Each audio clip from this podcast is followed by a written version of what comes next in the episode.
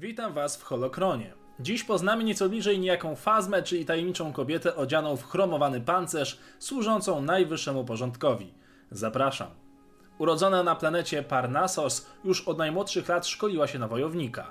Wpierw należała do macierzystego, planetarnego klanu, który nie miał większego znaczenia. Później dołączyła jednak do potężniejszego klanu Stir, podobnie jak jej brat Keldo. Ich przystąpienie do klanu nie obyło się jednak bez dużego poświęcenia w postaci spisku zamordowania ich własnych rodziców. Surowe warunki na planecie oraz jej wrodzony talent sprawiły, że szybko stała się jednym z najpotężniejszych członków w klanie.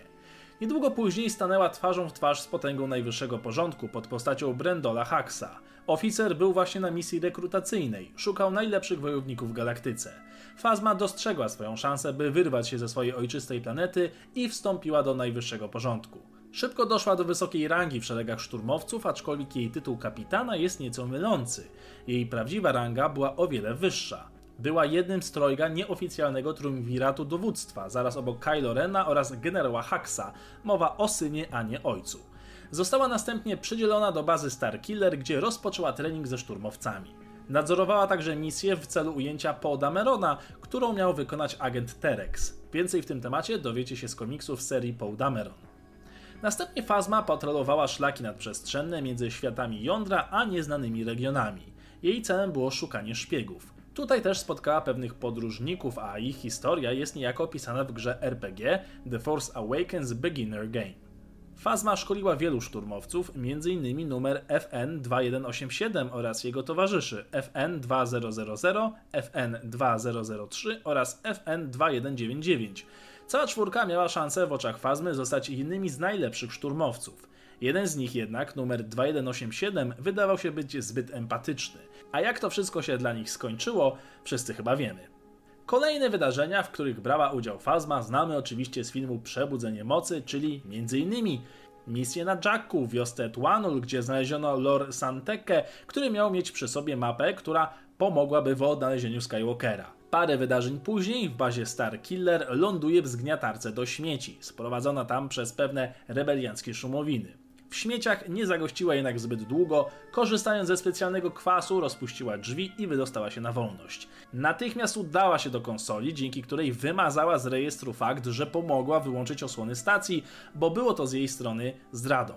Kozłem ofiarnym uczyniła porucznika Solari Vasa. Dalsze przygody w tym temacie poznacie w komiksie serii Kapitan Phasma. Nasza chromowana bohaterka następnie udała się na pokład statku Snowka Supremacy. Tutaj pojawia się parę dodatkowych wątków, których brakuje w filmie Ostatni Jedi, a które możecie poznać w nowelizacji filmu napisanej przez Jasona Frya. Następnie Fazma dostaje info od BB9E, że jakaś podejrzana grupa kręci się po statku. Jak się okazuje, jej dawny podopieczny oraz niejaka Rose Tick oraz DJ zamierzali sabotować statek. Jeżeli widzieliście film, to wiecie jak skończyła się ich misja. W ostatecznym pojedynku z Finem Fazma zostaje pokonana i spada w płonące zgliszcza rozpadającego się statku. Czy przeżyła? Tego póki co nie wiemy. Prywatnie Fazma była w każdym calu perfekcjonistką oraz fanatyczką oddaną służbie. Zachowywała doskonałą formę fizyczną, jak i psychiczną. Była mistrzynią w walce wręcz, jak i korzystaniu z wszelakiej maści uzbrojenia. Była także związana ze swoimi podopiecznymi. Zapamiętała na pamięć wszystkie numery szturmowców, których szkoliła. Ale mimo wspomnianego fanatyzmu, jej rola była nieco na pokaz, bowiem jedyną osobą, której bezgranicznie ufała i była oddana, była ona sama. Gdy przychodziło co do czego, zrobiłaby wszystko i zdradziłaby każdego, byle ocalić swoją skórę. Nawet jej matczyna pamięć do numerów swoich podopiecznych miała na celu zabezpieczyć się, gdyby kogoś z nich trzeba było potem po prostu wyeliminować. Słów parę o jej pancerzu. Prawdziwy rarytas. Wykonany z chromium odzyskanego z jachtu z Nabu, który niegdyś należał do samego kanclerza Palpatina. Wypolerowana powierzchnia chroniła noszącego przed szkodliwym promieniowaniem różnego rodzaju. Dodatkowo pancerz pozwalał odbijać słabsze strzały blasterowe. Jej podstawowym wyposażeniem był blaster F-11D firmy Son Blast Corporation, pałka energetyczna oraz podręczny blaster SE-44C. Wszystko również pokryte było chromium. To wszystko, co na razie wiemy o tej postaci. Co jednak ciekawe, jej rola w filmie miała być nieco mniejsza i charakter ten miał być już zabity w Przebudzeniu Mocy, ale komiksy Marvela przywróciły ją do życia we wspomnianym komiksie Kapitan Phasma, po to, by wystąpiła jeszcze w ostatnim Jedi. Aktorka odgrywająca rolę Fazmy, Gwendolyn Christie, niestety nie jest na liście aktorów obecnych w dziewiątym epizodzie, także jej postać albo jest martwa, albo dostanie dalszy żywot na kartach komiksów oraz książek. Na to jednak przyjdzie nam jeszcze poczekać. Dzięki za oglądanie, dajcie znać jaką postać, wydarzenie czy cokolwiek innego z nowego kanonu omówić w kolejnym odcinku, no i oczywiście niech moc będzie z Wami.